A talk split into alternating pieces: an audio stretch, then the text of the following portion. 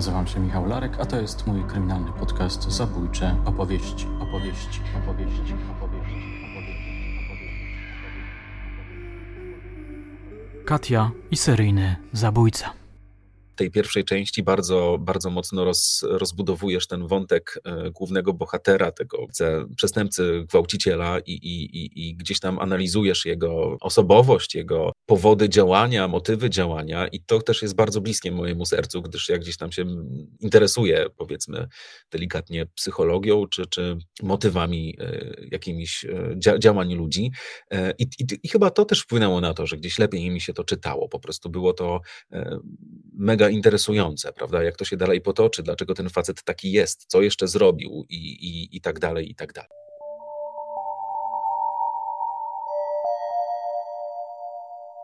To Sebastian Misiuk, znakomity lektor, który dla wydawnictwa Błysk przeczytał na nowo trzy pierwsze tomy dekady mojej serii kryminalnej inspirowanej prawdziwymi zbrodniami, przede wszystkim z szalonych lat 90. Ostatnio prezentowałem wam fragmenty Furii, pierwszego tomu, dzisiaj w związku z premierą drugiej części pod tytułem Na tropie przedstawiam Wam rozmowę z Sebastianem, który opowiedział mi o swojej pracy lektorskiej w ogóle, a także o pracy nad dekadą. Dla porządku. Furia to literacka wariacja na temat sprawy Tyklewicza, natomiast na tropie nawiązuje do tajemniczego zaginięcia, zapewne zabójstwa młodziutkiego poznańskiego dziennikarza. Pewnie nie wszyscy wiedzą, więc przypomnę. 1 września 1992 roku Jarosław Ziętara, dziennikarz Gazety Poznańskiej, wyszedł z domu do pracy i zapadł się pod ziemię. W 1999 roku uznano go za zmarłego. Moje drogie, moi drodzy, posłuchajcie naszej rozmowy wzbogaconej o mocne, krwiste fragmenty przeczytane przez mojego gościa.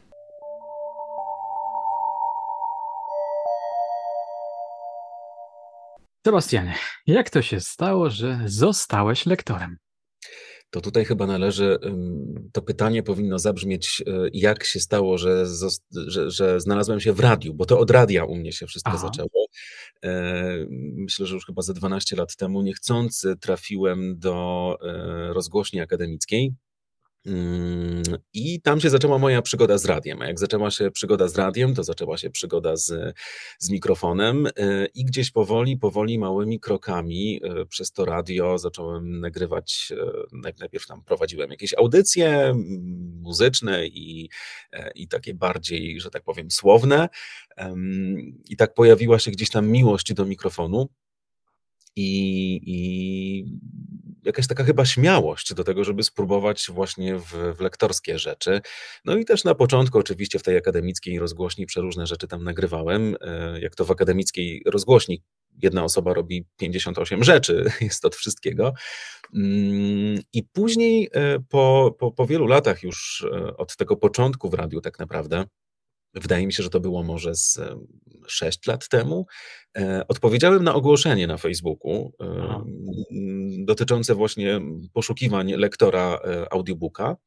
E, do audiobooka. E, wysłałem swoje demo, trafiłem na fantastycznego człowieka, którego teraz bardzo serdecznie tutaj mogę pozdrowić, który poprowadził mnie jakby tą, przez tą drogę lektorów e, zajmujących się czytaniem książek.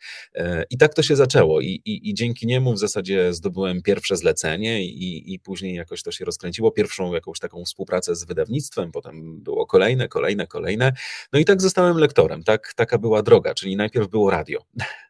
A pamiętasz pierwszą książkę, jaką przeczytałeś? Pamiętam, pamiętam tytuł, pamiętam, bardzo mocno pamiętam okładkę, pamiętam autorkę.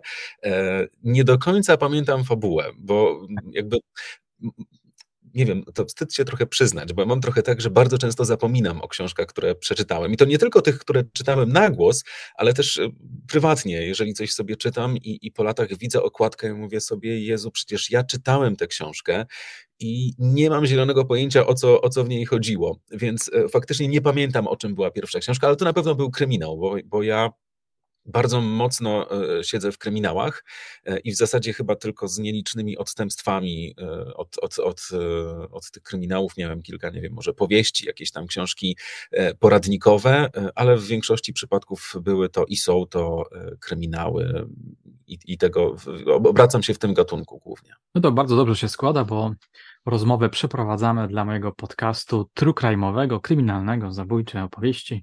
Nawet nie wiedziałem, że aż tak doskonale się wpasuje. Dokładnie. A co cię kręci w, w tej robocie lektorskiej?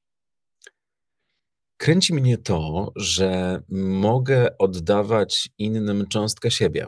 Ja zawsze marzyłem, żeby zostać aktorem, i to było moje największe marzenie w dzieciństwie, żeby zostać aktorem. E, ale właśnie zanim, zanim przyszedł ten etap decydowania o przyszłości, czyli zanim przyszedł etap matury i pójścia e, na studia, pojawiło się to radio w moim życiu. I wtedy zobaczyłem sobie, że no nie, wcale nie muszę iść do szkoły e, aktorskiej, wcale nie muszę być aktorem, żeby pracować głosem i żeby przekazywać ludziom to, co chciałbym też na przykład przekazywać ze sceny. Więc to gdzieś tam było na samym początku e, tożsame i to mnie właśnie najbardziej kręci. To, że mój głos może sprawiać komuś przyjemność, mam taką nadzieję. Mam nadzieję, że tych mniej pozytywnych e, e, odczuć jest mało i że mogę nadawać jakiemuś dziełu nowy charakter, no bo książka czytana normalnie przez, przez, przez czytelnika, a książka słuchana przez słuchacza to są często dwie inne książki. Interpretacja lektora może naprawdę jakby, nie mówię czy wnieść, czy, czy, czy ująć czegoś, bo to bardzo indywidualna kwestia i, i, zależy od każdego przypadku. Natomiast na pewno zmienia książkę, na pewno jest to zupełnie inne, może nie zupełnie, ale inne dzieło. E, I to mnie kręci w tej robocie. Poza tym kręci mnie ta kameralność, dzięki której jestem ze słuchaczem bardzo blisko, bo towarzyszę mu czasami w podróży, czasami przed snem, czasami w jakichś sytuacjach, nie wiem, stresujących, kiedy mogę przynieść jakieś ukojenie. E, więc to chyba najbardziej kręci mnie w tej robocie. Mhm. Kontakt właśnie ze słuchaczem, taki nie, nie bezpośredni, nie, nie podczas za pomocą rozmowy, tylko właśnie jakiejś takiej więzi i relacji. Sącasz, wsączasz się w uszy Tak, tak, tak, w uszy i potem w umysł i, i w ogóle. Tak, i w serce. Tak, tak, tak, tak.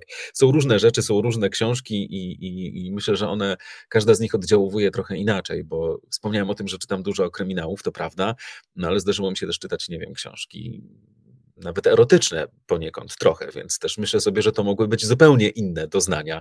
Eee, dlatego to jakby spektrum tego, tego, tego połączenia ze słuchaczem to jest, jest bardzo ogromne.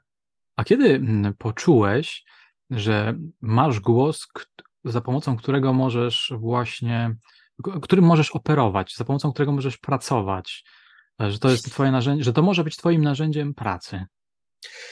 Że on no jest dobry, że się nadaje właśnie do tego. To jest, to, znaczy to, to, to pytanie ma dwa wymiary, bo jakby dowiedziałem się o tym, że mogę pracować głosem i to może być moje narzędzie pracy na całe życie w wieku 16 lat, kiedy właśnie dostałem się do tej rozgłośni akademickiej, gdzie mnie tam wyłowiono. E, w zasadzie no, ja dostałem się tam przez przypadek, po prostu wyłowiono mnie w, w czasie pewnej e, sytuacji. No i wtedy zdałem sobie sprawę z tego, że faktycznie mogę pracować głosem i to może być moje narzędzie pracy, ale takiej stuprocentowej pewności siebie i pewności tego, mm, jaki jest mój głos i co mogę tym głosem e, robić, e, no to nie wiem, czy jeszcze nabrałem, bo, bo to jest tak, że bardzo często słyszy się komplementy, masz piękny radiowy głos masz cudowny głos. Jezu, jaki masz piękny głos. I, no tak. i, i znam to, tam, znam to. Tak, to się gdzieś tam powiela, powiela, powiela, a, a w głowie sobie człowiek myśli, no, no, normalny głos jak głos, no każdy może mieć taki głos, no jakby nic w tym szczególnego nie ma. I cały czas tak mam. Kiedy słyszę tego typu komplement, myślę sobie, no okej, okay, no ja mam taki głos, ktoś ma inny głos, no mój jest, nie wiem, przyjemny dla tej danej osoby, dla kogoś może być zupełnie nieprzyjemny. Więc jakby chyba jeszcze nie jestem na tym etapie, na którym się jakby w 100%, w 100 zaakceptowałem, jaki jest to głos. Natomiast faktycznie teraz zdaję sobie sprawę z tego, że mogę tym głosem zarabiać, no mówiąc wprost, zarabiać na chleb i to, to jest moje narzędzie pracy. I to też jest moment, w którym trzeba sobie zdać sprawę, że y, o to narzędzie pracy trzeba bardzo mocno dbać. Tak jak pianista musi dbać o mm, palce i dłonie, prawda? Tak samo tutaj nie można sobie w zimniejszy poranek już wyjść bez czapki, bez szalika żeby tego gardła gdzieś tam nie przeciążyć. E, nie można e, napić się zimnego piwa, bo za chwilę pojawia się chrypa i tak dalej. E, więc to też jest ciekawy aspekt tego, że, że trzeba sobie zdać sprawę, że to narzędzie, którego, które używamy tak codziennie, nie myśląc w ogóle o nim, prawda? No bo ten głos po prostu się z nas wydobywa, rozmawiamy, mówimy przez całe dnie, przez całe godziny. E, to właśnie w pewnym momencie lektor musi sobie zdać sprawę z tego, że no to jest coś, o co trzeba dbać i to nie, nie można tym po prostu władać i, i, i szastać na lewo i prawo. Ale powiem Ci, że jak rozmawiam z lektorami, to mm, ewidentnie oni inaczej posługują się głosem i nie chodzi mi o to, że ich głosy są na przykład lepsze od e, głosów zwykłych śmiertelników, ale sama ich, sama wasza fraza, sposób mówienia, jakby noszenia się z tym głosem, ta no rozlewność od razu was odróżnia od, od innych ludzi. Coś w tym musi być. No, ja y, właśnie bardzo często spotykam się mm, mojej drugiej, w moim drugim świecie zawodowym, że tak powiem, właśnie, w którym też mam bardzo duży kontakt z ludźmi, e, którym bardzo często opowiadam różne rzeczy i, i, oni tacy wsłuchani mówią, pan ma cudowny radiowy głos. Wy tak dziękuję, właśnie przepracowałem 12 lat w radiu, więc e, faktycznie chyba, chyba da się wychwycić u kogoś, jest coś takiego jak radiowy głos, jest to wychwyty, wychwytywane przez innych ludzi, czyli faktycznie tak jak mówisz, może być coś w tym, że mm, mamy jakiś taki szczególny sposób e, mówienia. Ja, ja nie potrafię tego odróżnić, w sensie ja nie, nie widzę tego, natomiast mm. mogę się zgodzić, że tak może być. Pamiętasz jakieś najtrudniejsze, najciekawsze, takie może wymagające dużo e, wyzwanie lektorskie? Wiesz co, dla mnie y, zawsze wyzwaniem są formy, w których muszę być, że tak powiem, krzykliwy. E, mam też takie wrażenie, że lektorzy trochę dzielą się na, na wiele grup się dzielą, ale jest moim zdaniem gdzieś tam jeden taki podział na tych, którzy czytają e, takie reklamy na zasadzie tylko tu i tylko teraz, kup coś tam. To jest takie mega intensywne, wykrzyczane i tak dalej. Ja nigdy tego nie potrafiłem zrobić i gdzieś tam kiedyś miałem jakieś zapytania, zlecenia i tak dalej, i, i to zupełnie nie brzmiało, nie wychodziło. Ja gdzieś tam o wiele lepiej czuję się w takich formach e, bardziej intymnych, w których też czasami trzeba krzyknąć albo powiedzieć głośniej, ale mimo wszystko jednak takich intymnych. Więc to są, to są, to są wyzwania. Ostatnio też miałem ciekawe wyzwanie, bo czytałem książkę e, tłumaczoną, e, napisaną ponad 100 lat temu i ten język był bardzo specyficzny. E, przyzwyczajony do czytania współczesnych książek pisanych we współczesnej polszczyźnie, czasami bardzo potocznym językiem, e, kiedy przeniosłem się w taki świat, e, w język bardzo literacki, bardzo, z bardzo rozbudowaną składnią, gdzie zdanie miało, pół, liczyło sobie pół strony i trzeba było znaleźć sens w tym zdaniu, które się zaczynało tu, a kończyło jeszcze niżej, to to było bardzo trudne. Zdarzało mi się tak, że czytałem jedną, jedną stronę dwukrotnie albo trzykrotnie, ponieważ gdzieś tam sam gubiłem ten sens tego zdania, które e, ciągnęło się przez, przez ponad pół strony. Więc to, to, było, to było spore wyzwanie. Każda książka jest swego typu wyzwaniem, bo wchodzisz w świat innego autora w momencie, kiedy czyta się książki jednego autora, tak jak ja miałem przyjemność czytać już na ten moment dwie twoje książki i przede mną jeszcze trzecia część dekady, to gdzieś tam już przy tej drugiej książce człowiek um, zaczyna chwytać um, rytm e, pisarza, um, język, styl i, i, jest to trochę łatwiejsze, ale w momencie, kiedy skacze się na przykład z, z, autora na autora, że tak powiem, z książki na książkę i za każdym razem wchodzisz w zupełnie nową, w nowy świat, nowy język, nowy sposób, nowy styl, e, no to to jest też zawsze jakieś takie utrudnienie może nie jakieś największe utrudnienie w całej karierze, natomiast faktycznie gdzieś tam za każdym razem trzeba się wgryźć w coś innego. Mhm. No właśnie, dlaczego, mm, dlaczego, jak to się stało, że zacząłeś przede wszystkim, jak, jak rozumiem, czytać kryminały? Nie był to do końca mój wybór, y, bo przyznam szczerze, że przez, przed, zanim zacząłem właśnie czytać książki na głos, bo tak to y, sobie tak roboczo nazywam, nie za bardzo siedziałem w świecie kryminałów e, ani tego typu historii.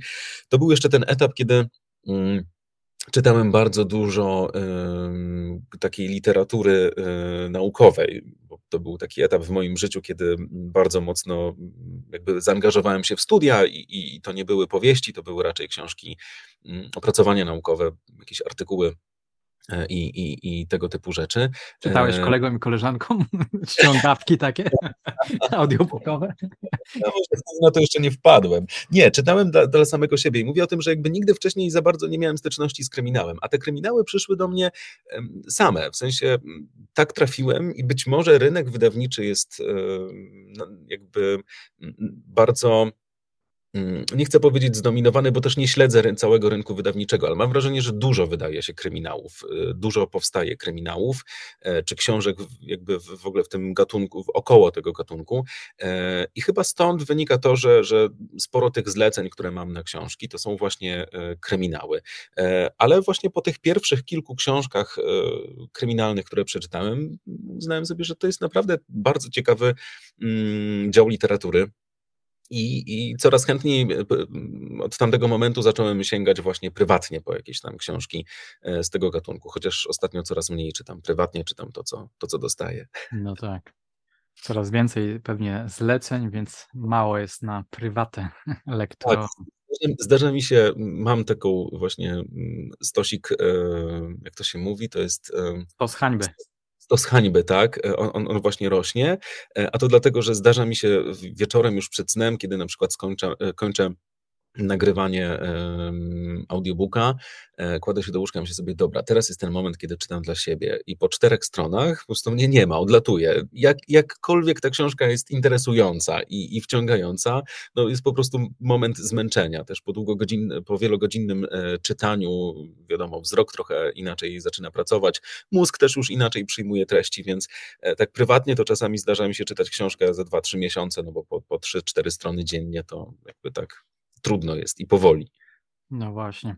E, mam chyba trochę podobnie, że teraz też coraz mniej czasu jest na to, żeby czytać dla siebie. Dla siebie, tak, dokładnie. Tak. No dobrze, wspomniałeś o tym właśnie, że już przeczytałeś, przeczytałeś już dwa tomy dekady, czyli Furia i Na tropie. Przed tobą trzecia, którą lubię najbardziej, czyli Fatum, bo jest najmniej wulgarna. Jeszcze był taki tak, bo to był jeszcze taki okres, kiedy ja byłem mocno pod wpływem, znaczy po prostu chciałem opisać lata 90., a, te lata 90. były zupełnie inne niż nasze e, czasy. To, to bardzo dobra, e, w sensie dobra zachęta do tego, żebym zaczął już pracować tak. nad sobą, e, bo faktycznie, znaczy moim zdaniem dwie pierwsze części były bardzo fajne, więc jeżeli mówisz, że Fatum jest twoją ulubioną, no to, to, to czekam. Tej serii, tak. W tym momencie Katia wystartowała w kierunku Kramerskiego. Rzuciła się na niego z impetem, wbijając mu kolano w plecy i jednocześnie uderzając przedramieniem w kark. Mężczyzna jęknął i upadł na brzuch. Szarpnął się gwałtownie, gdy ścisnęła mu krtań. Nie ruszaj się, chuju! Ryknęła mu do ucha, a on w odpowiedzi wierzgnął nogami i zacharczał. Nie ruszaj się, bo zajebie!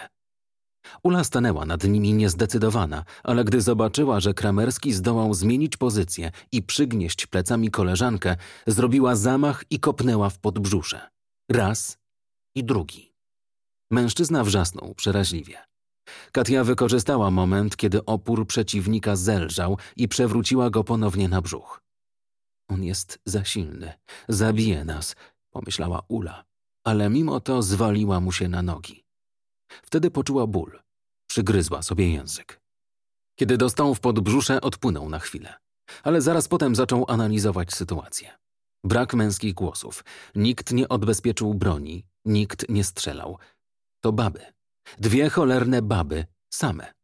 Bez wsparcia. Są nieuzbrojone, pomyślał, próbując jednocześnie zmienić położenie twarzy. Wypluł ziemię z ust i skrzywił się. Zamknął oczy. Drgnął, gdy niespodziewanie został przewrócony na brzuch.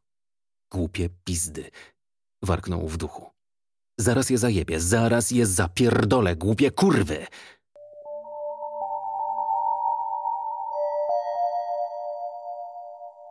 No właśnie, jak ci się pracowało nad, e, nad, nad tymi dwoma tomami? Jak w ogóle zaczynasz i zacząłeś pracę nad tymi e, książkami? Jak to wygląda?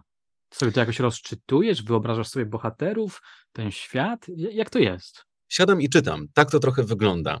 E, siadam i czytam i, i, i staram się na bieżąco gdzieś to sobie kreować i, i, budować ten świat. E, czasami przez to, bo być może e, nie, nie wiem jak inni lektorzy, jaką mają praktykę, ponieważ ja nigdy nie byłem na żadnym kursie lektorskim i nigdy nikt mi nie powiedział, jak powinienem czytać audiobooki albo jakie są zasady, czy jakiekolwiek zasady istnieją. Wszystko to, co robię, to jest jakaś po prostu moja intuicja, czasami mm, punktowana przez e, kogoś, kogo gdzieś tam e, uważam za autorytet lektorski. Ale wracając, faktycznie siadam i czytam i gdzieś powoli sobie zaczynam ten świat budować. To powoduje, że czasami muszę się cofnąć o kilka stron, bo zdam sobie sprawę, że nie, no tak, to trochę nie powinno, nie, nie może tak brzmieć. Na przykład, nie wiem, ten bohater wydawał mi się bardzo agresywny, a, a okazuje się, że nie jest agresywny. Po, Aha, przykład, ciekawe, jest, jest, jest, jest łagodniejszy w swoim obyciu albo że nie wiem, e, sąsiadka jest stara, e, tak sobie wydedukowałem na samym początku, a okazuje się, że to jest młoda kobieta, prawda? Więc jakby też muszę to, to zmienić.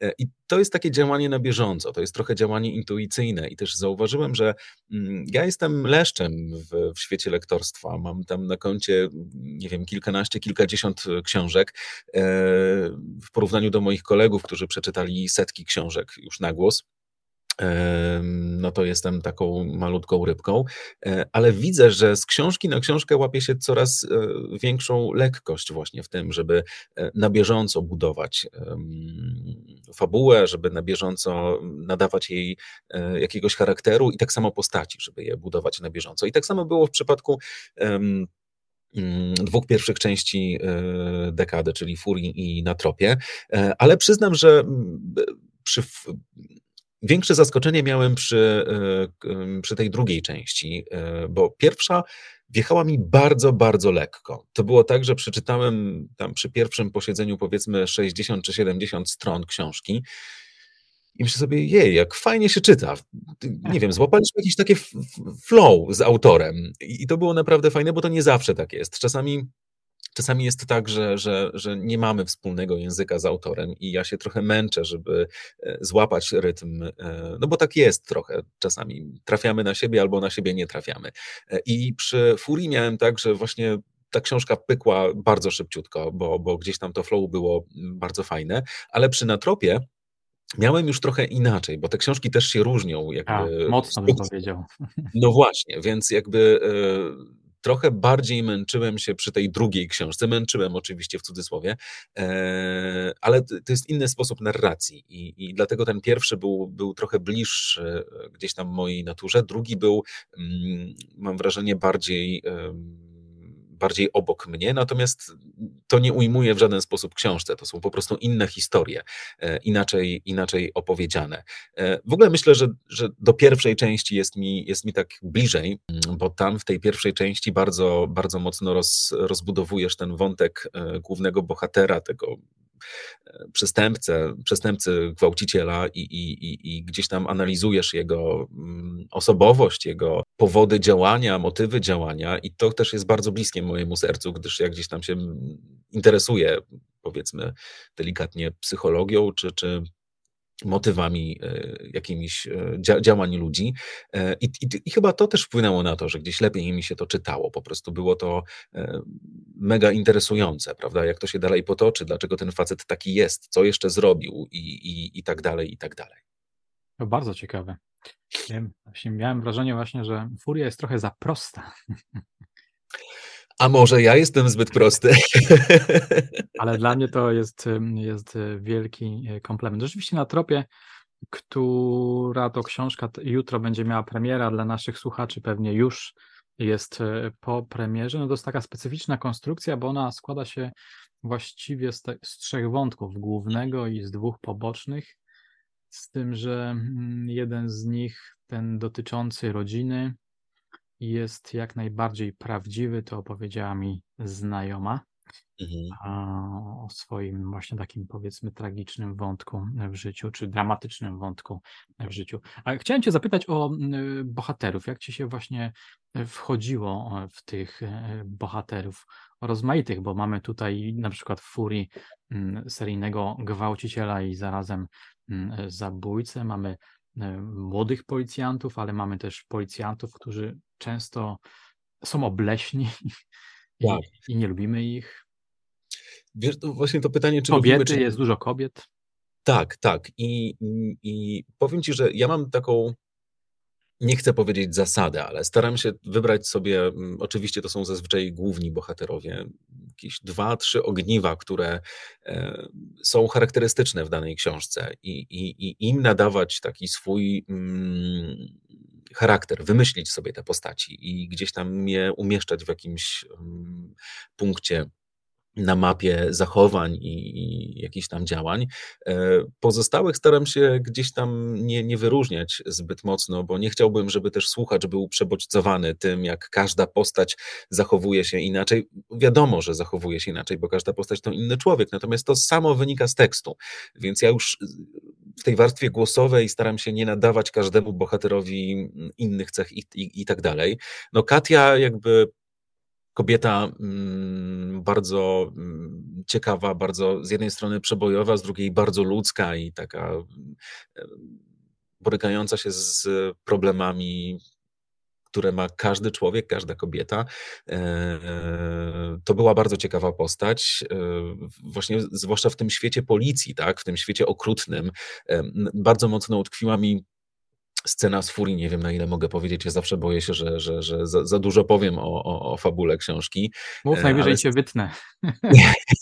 Scena, kiedy Katia już ostatecznie dopada tego gwałciciela, tego naszego najczarniejszego bohatera tej książki.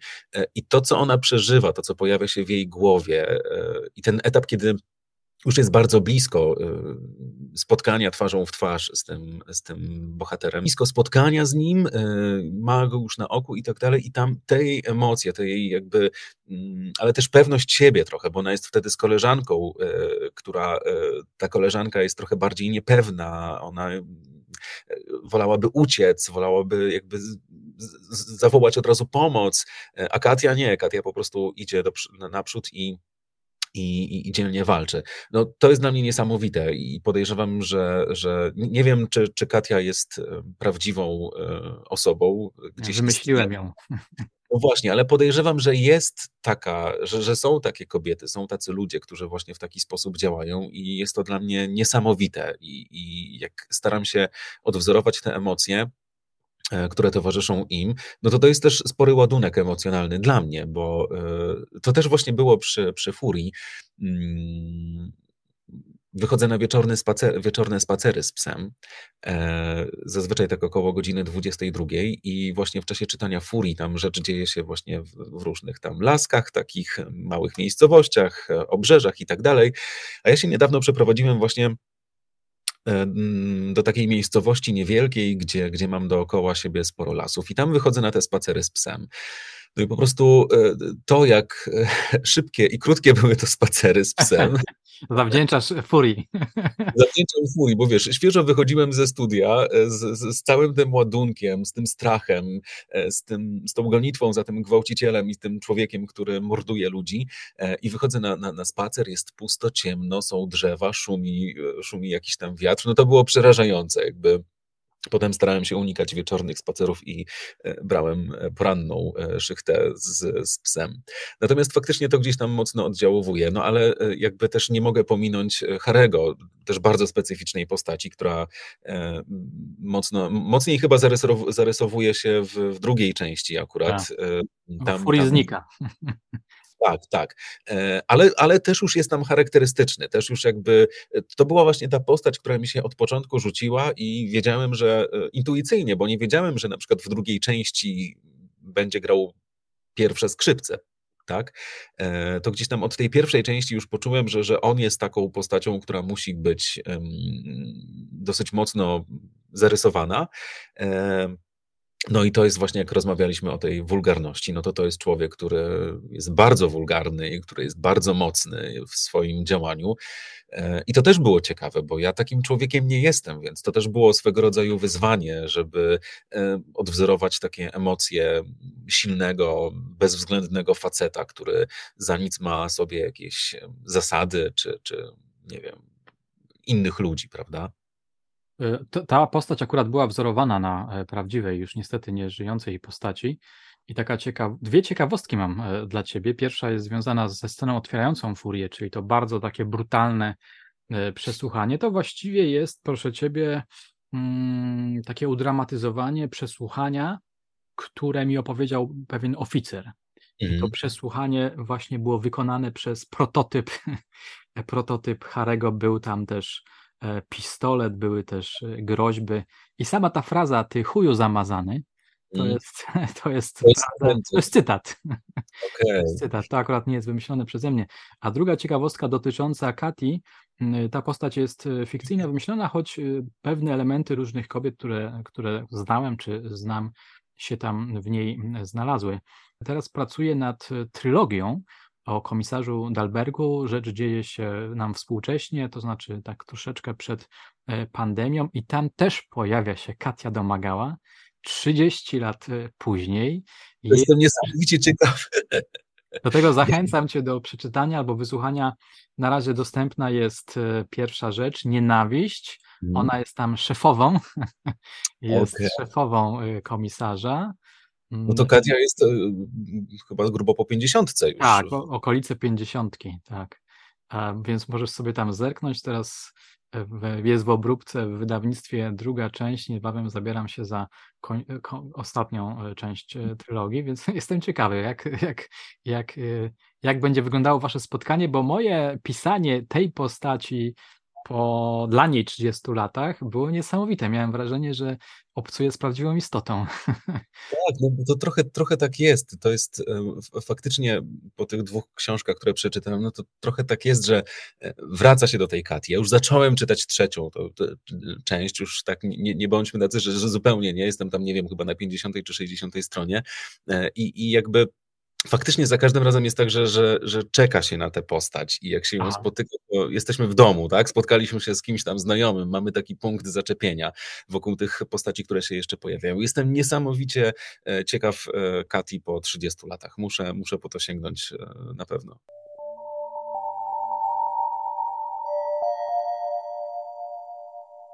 Jestem ciekawy, czy jak ty czytasz opowieść, y, wcielasz się w poszczególne role, kreujesz swoim głosem uniwersa, to czy to robisz tak właśnie obojętnie, jak zimny chirurg, czy raczej, czy jak chirurg, y, czy też jak ktoś, kto nie wiem, posługuje się tą słynną metodą Stanisławskiego, czyli jakby wcielamy się w postać, oddając im swoje emocje albo udając ich i zarazem mając wrażenie, że się nimi, że nimi jesteśmy. Jak to u ciebie jest?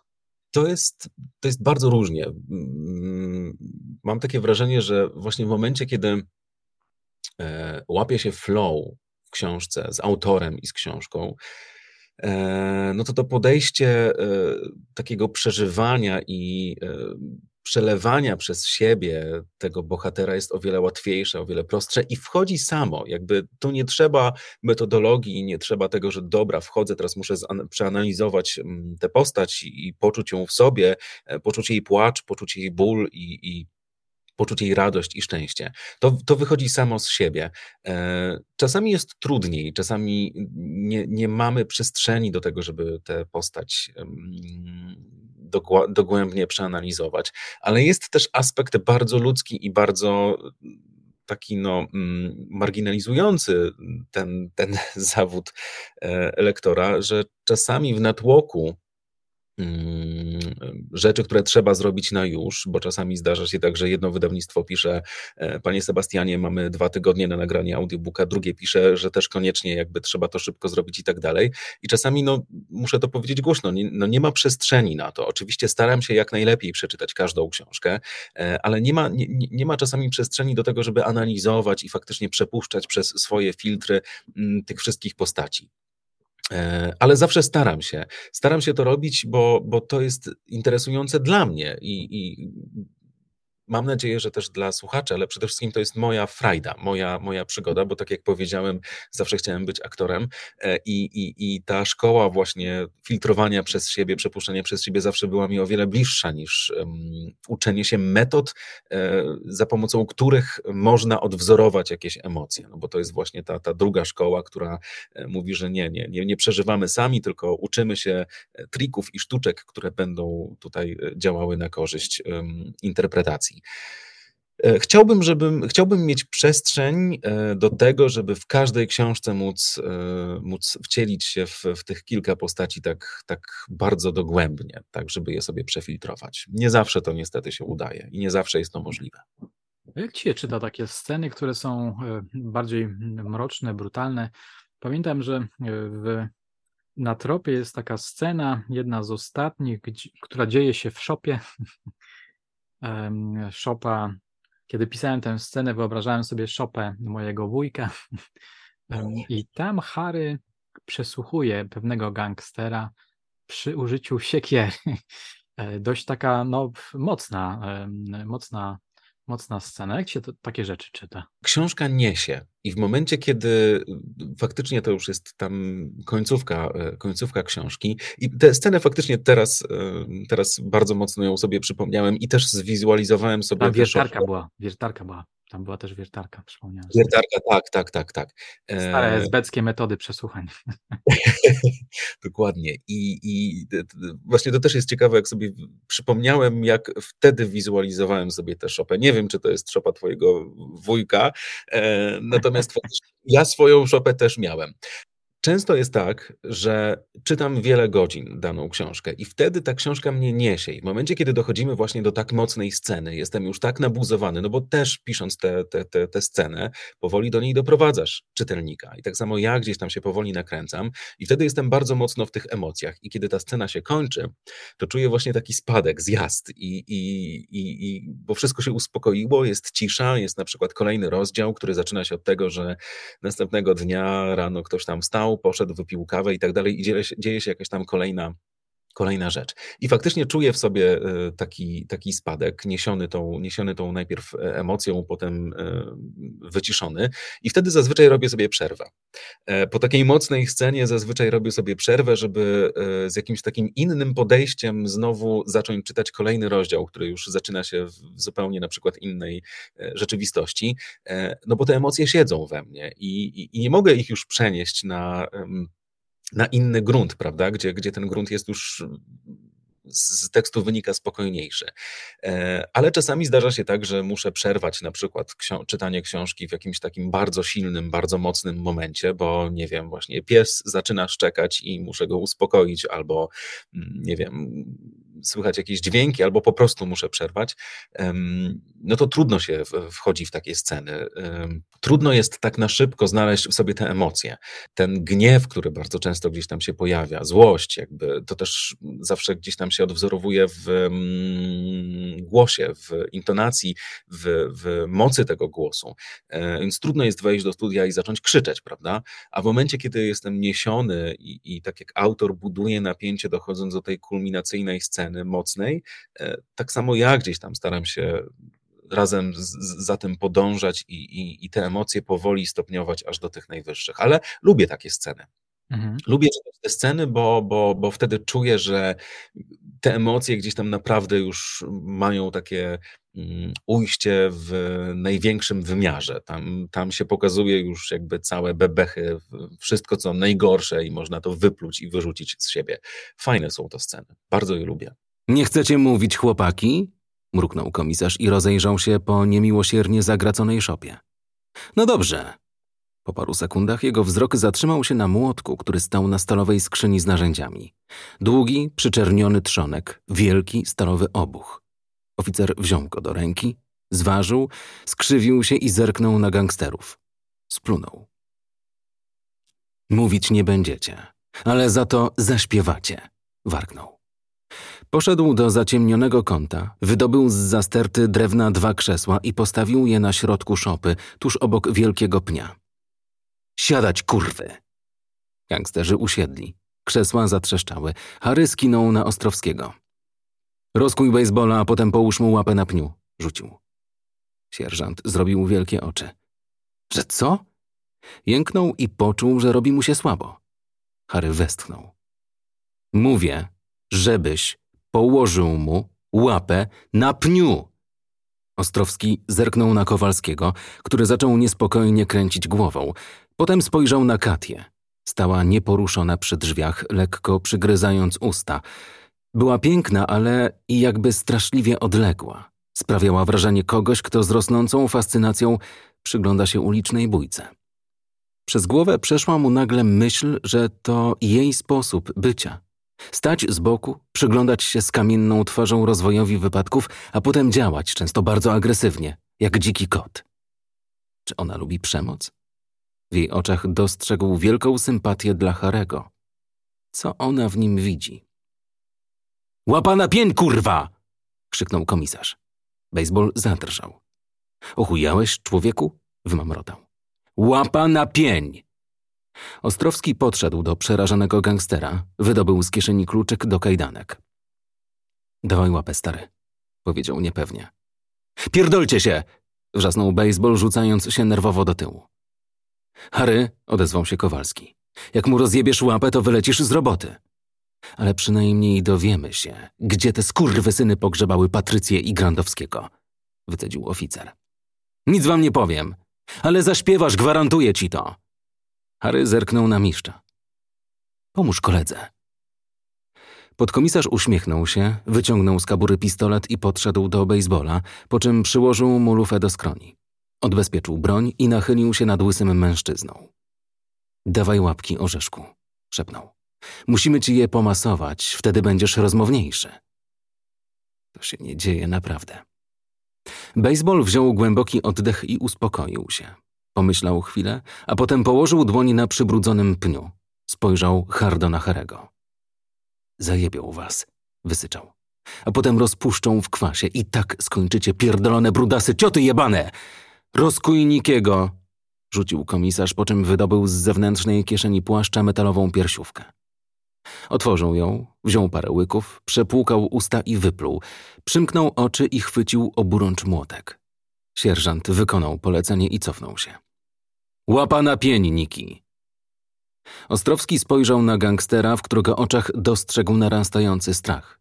Mężczyzna skurczył się w sobie, przełknął ślinę i przymknął powieki. Ostrowski znowu zerknął na Katię, która ściągnęła usta. Nie! wrzasnął Niki. Ja powiem, wszystko wam powiem. Stul pysk pedale! ryknął baseball. On przecież blefuje, nic nam nie zrobią. To w końcu policja, do kurwy nędzy, oni nie... Powiem wszystko! Przerwał mu Niki wykrzykując histerycznie. Tylko zostawcie nas, odłóż ten młotek! Gdy zamilkł, nastąpiła cisza, którą po paru sekundach przerwał Harry. Grzeczny chłopiec, oznajmił, zniżając głos. Ładnie śpiewasz. Powinieneś zapisać się do poznańskich słowików. Gdy wybrzmiało ostatnie słowo, komisarz zrobił zamach i rzucił młotkiem w okno. Na dźwięk rozbitej szyby wszyscy drgnęli. Jesus! Szepnął Ostrowski. Harry był jak w transie. Teraz baseball nam ładnie zaśpiewa, mruknął. Rozejrzał się wokoło, wbił wzrok w ścianę, na której wisiała siekiera. Uśmiechnął się, podszedł i zdjął ją z metalowego pręta. Wiesz co, baseball? mruknął.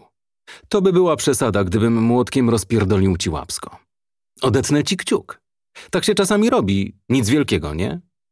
Przyznaj się, ile kciuków uciąłeś w swoim życiu? Bo ja dopiero... Dwa? Twój będzie trzeci. Nie, nie trzeci, czwarty. Spojrzał krytycznie na siekierkę i pokiwał niezadowolony głową.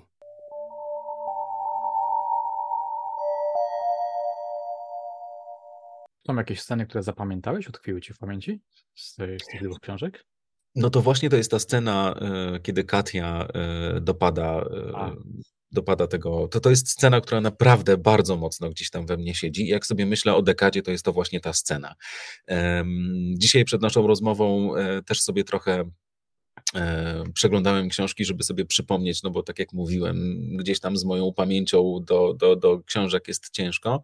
E, natomiast faktycznie, faktycznie ta scena jest, jest dla mnie takim najmocniejszym chyba uderzeniem. Nie wiem, musiałbym to bardzo mocno przeanalizować, dlaczego tak jest, bo tutaj może się odbija jakaś, e, nie, nie wiem, z psychologiem może mógłbym to przegadać, bo to może jakieś, wiesz... O jak historia.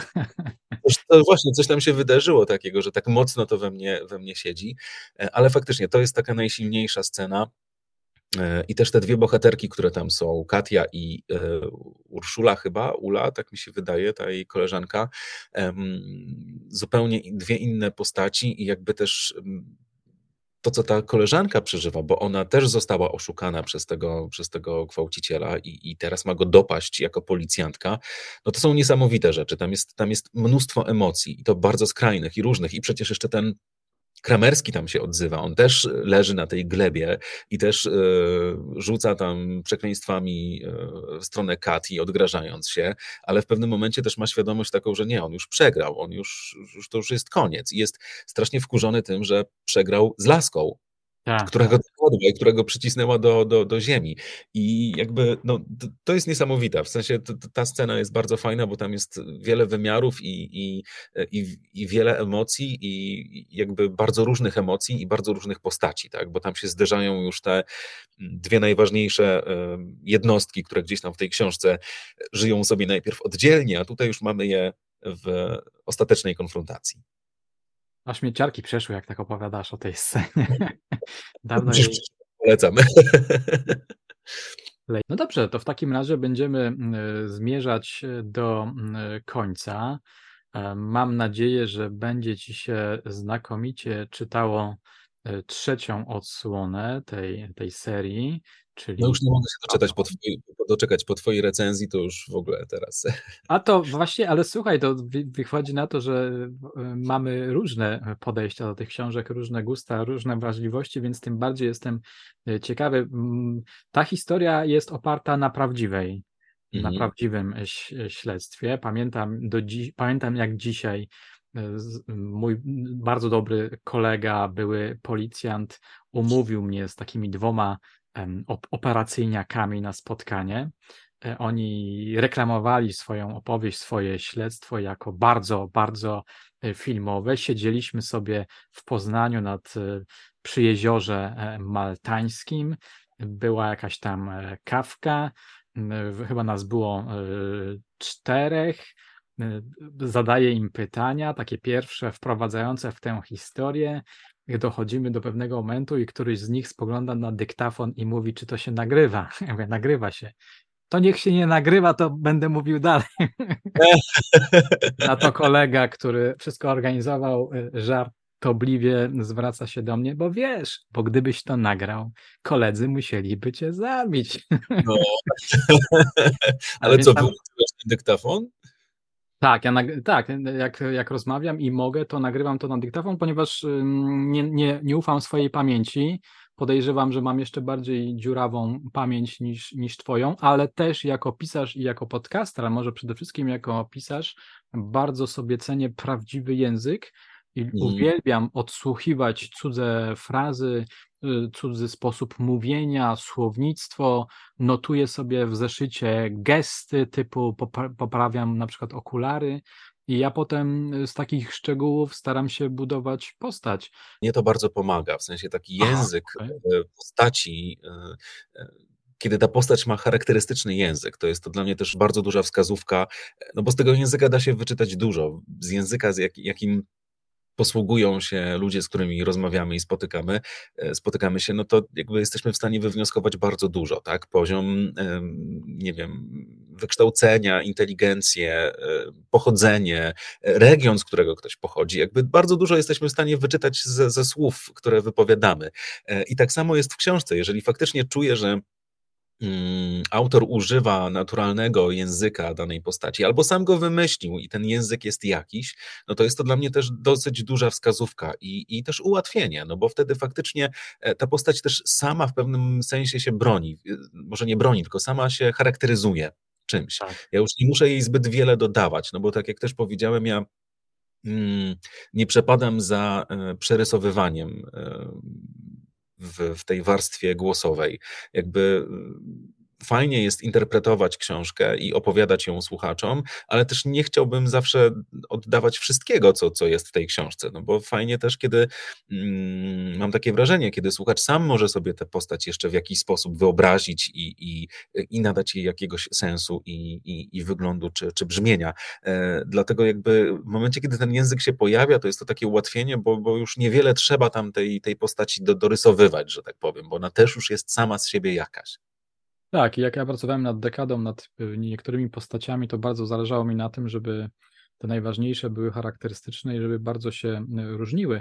Na przykład y, tutaj niewspomniany sierżant Ostrowski, który jest takim dowcipnisiem, cały czas próbuje rozładować jakimś żartem.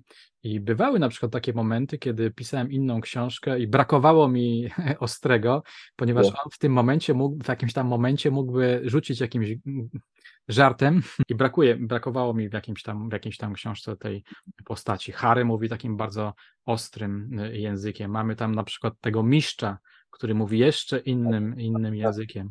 E, Katia też mówi y, bardzo charakterystycznie, jest taka bezceremonialna, zaczepna, oschła, bezemocjonalna. Mamy też e, tego grubszego e, sierżanta, już zapomniałem jak on się nazywa, co wsuwa pączki. On taki z kolei jest filozof, inteligent, marzy o tym, żeby wyjechać do Stanów i być profilerem. I jak będę kontynuował tę serię, to chyba go wyślę gdzieś tam do jakiejś, tak, jakiegoś Quantico. A będziesz kontynuował tę serię? No mam, taki, mam takie pomysły, mm, zobaczymy, zobaczymy jak to będzie z realizacją. W sumie to tak, to ja nawet mam już mm, ostatnią scenę e, z Harem, bo to miała być dekada, czyli to miało być 10 tomów, więc ja mam w głowie ostatnią scenę e, bardzo e, złą dla niego, bardzo brutalną. Ostatnio przyszedł mi do głowy tytuł na, na, czwarty, na czwarty tom. Zobaczymy. No mam nadzieję, mam ochotę wrócić. No, y, przez to, że wydawnictwo Błysk w osobie Dawida mm, Wojnara się do mnie zgłosiło, no to właśnie pojawiła się taka myśl, żeby może, może wrócić do tej serii i ją kontynuować. Super, fajnie, fajnie by było. Jestem bardzo ciekaw. E, jestem ciekaw Kati po 30 latach, no ale w, w czwartej części jeszcze, jeszcze właśnie nie byłaby e, aż tak starsza od, od tej Kati, którą znam. W czwartej części będzie cały czas młodą, młodą dziewczyną. Sebastianie, bardzo, bardzo Ci dziękuję za rozmowę i też za to, co powiedziałeś o tych e, książkach. Też dziękuję Ci za zaskakujące komplementy pod adresem Furii, z którą mam pewien problem emocjonalny. Trochę się jej boję, trochę się jej wstydzę, a tu proszę, ktoś mówi, że lepsza niż na tropie, cudowne. Może powinieneś trochę inaczej na to spojrzeć. E, ja też Ci bardzo dziękuję, bo to był mój um, podcastowy debiut. E, to, był mój pierwszy podcast w życiu, to taka forma e, wypowiedzi po raz pierwszy, także bardzo mi było miło, że, że to było z Tobą i, i bardzo dziękuję za zaproszenie. Do usłyszenia. Do usłyszenia.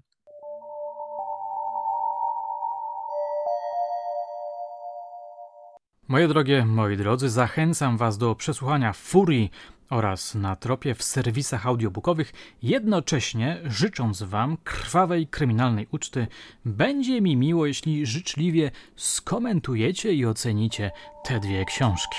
Mam nadzieję, że razem ze mną będziecie czekać na trzecią część, czyli na Fatum, która opowiada o słynnym napadzie stulecia na konwój pieniędzy. Na dzisiaj to wszystko. Dziękuję za uwagę. Do usłyszenia już niebawem.